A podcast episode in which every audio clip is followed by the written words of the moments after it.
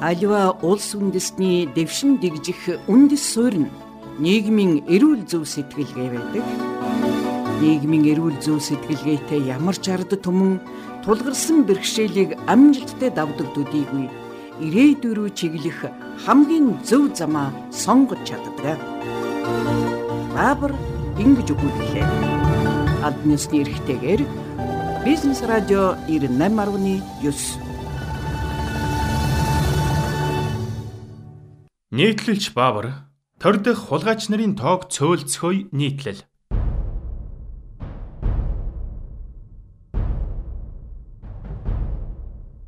Монгол төрийн тогтолцоо туйлын эмзэг байдал руугаа орчихсон өнөөгийн хямралтай үеийг хүн болгон харж, үзэж, сонсож, мэдэрч буй. Хүн бүр гарцхайж байна. Онсон оноогүй, бололцоогүй, хугацаа шаардсан, мэрэгэн, төргөн янз бүрийн гарц санал болгож байна. Ардчилсан төрд нээлттэй нийгэмд улс төрийн намын үүрэг роль маш чухал. Чохом ийм институцээр дамжуулан олон түмний хүсэл эрмэлзлийг бодит засаглал болгосоор ирсэн. Эннээс өөр илүү дээр арга одоохондоо олдоогүй байна. Гэвч улс төрийн нам бүхий тогтолцоо нь нийгмийг шудраг, тэгш, нээлттэй, ардчилсан, хүмүүнлэг байлгах цор ганц механизм. Цор ганц баталгаа биш болохыг 20 дугаар зууны туршид төрийн эрхэнд гарч байсан коммунист, нацист, фашист тэглэмүүд тодорхой харуулсан. Монголд 1990 он хүртэл оршин байсан улс төрийн тогтолцоо түүнийг дангаар нь удирдах байсан улс төрийн намын зохион байгуулалт, бүтэц, механизм, удирдлагын арга барил нь ардчилсан нээлттэй нийгэмд огт цогцохгүй болох нь ойлгомжтой.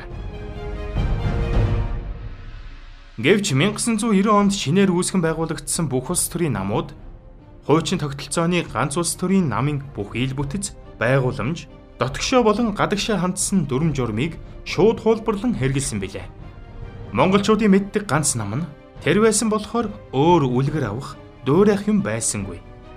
Энэ нь шилжилтийн эхний хүнд хэцүү үед ямар нэг хэмжээгээр зөгцсөн ажиллаж байсан боловч шин зүүн гарахын үед ёр таарч тохирохгүй нь илт мэдрэгдэж эхэлсэн. Ижил бүтэцтэй өөр нэртэй улс төрийн намууд Түүний дотор зөнхлөх нөлөөтэй хоёр нам дотроосоо өтөн намын сахилах батыг хувилдан шамшигдуулах аргаар шүүмжлэл өөрийн шүүмжлэлийг харилцан биенээ шантаачлах механизмаар орлуулан ялзарч эхэлсэн билээ.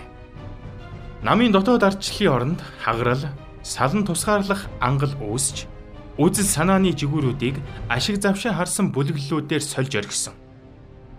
Үзэл баримтлалын уралдаан болох хүчиртэй сонгуул нь сонгогчдыг хуурам мэхлэх, худалдаж авах зэрэг 9 шидийн уралдаан тэмцээн болж төрийн жолоо нэг л мэтгэд маф маягийн байгууламжид дөхөн очжээ.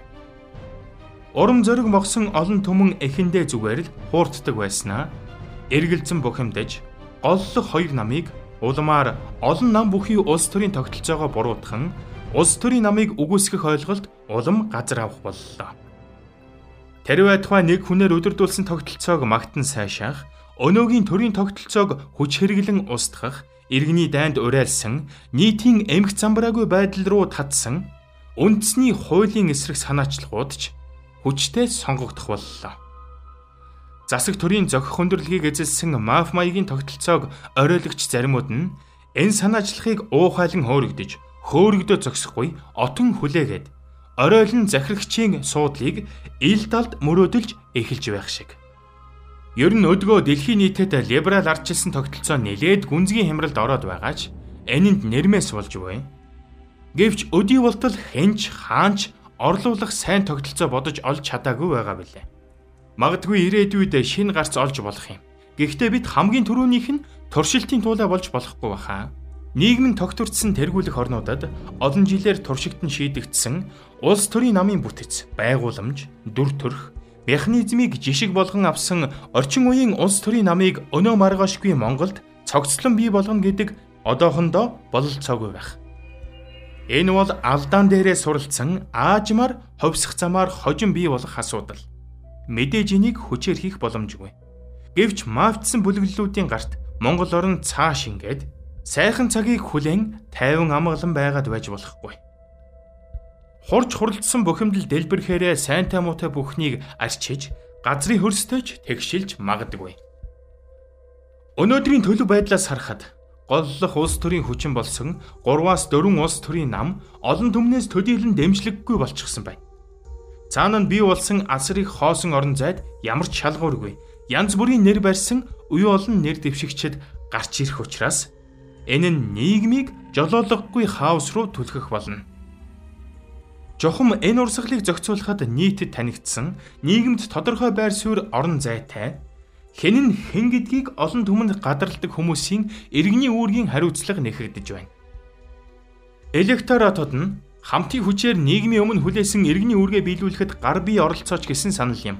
Электорат нь цэвэр сайн дурын нэгдэл учир алив нэг хуулийн этгээд болохгүй. Оролцогчд нь сонгуулаар ямар нэг байр суурь эзлэх, нэр дэвших, айлшгүй цагт ямарваа нэг хожоо харсан явдал үгүй байх ёстой. Энийг зөвхөн иргэний хувьд нийгмийн үйл явдалд санаа зовн сайн дураар хариуцлага хүлээж буй хэрэг гэж үзнэм. Электоратор дамжуулан төрийн дээд эрх барих төлөөлөгчдийг сонгуулах ажлын гол зорилго. 1.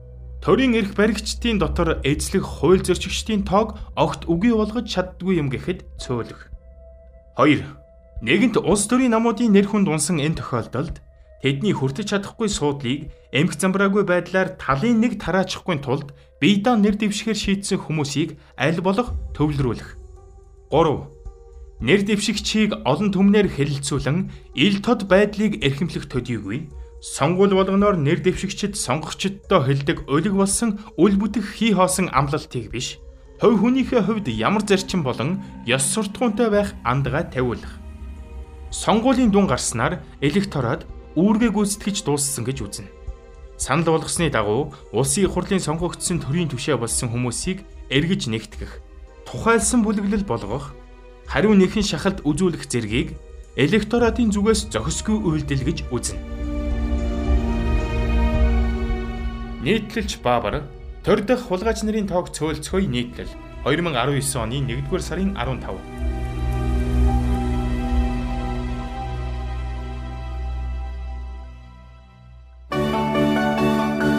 Аливаа улс үндэстний дэвшин дэгжих үндэс суурь нь нийгмийн эрүүл зөв сэтгэлгээ байдаг. Нийгмийн эрүүл зөв сэтгэлгээтэй ямар ч ард түмэн тулгарсан бэрхшээлийг амжилттай давдаг төдийгүй ирээдүйн рүү чиглэх хамгийн зөв замаа сонгож чаддаг. Баабар ингэж өгүүллээ. Албан ёсны эрхтэйгээр бизнес радио 98.9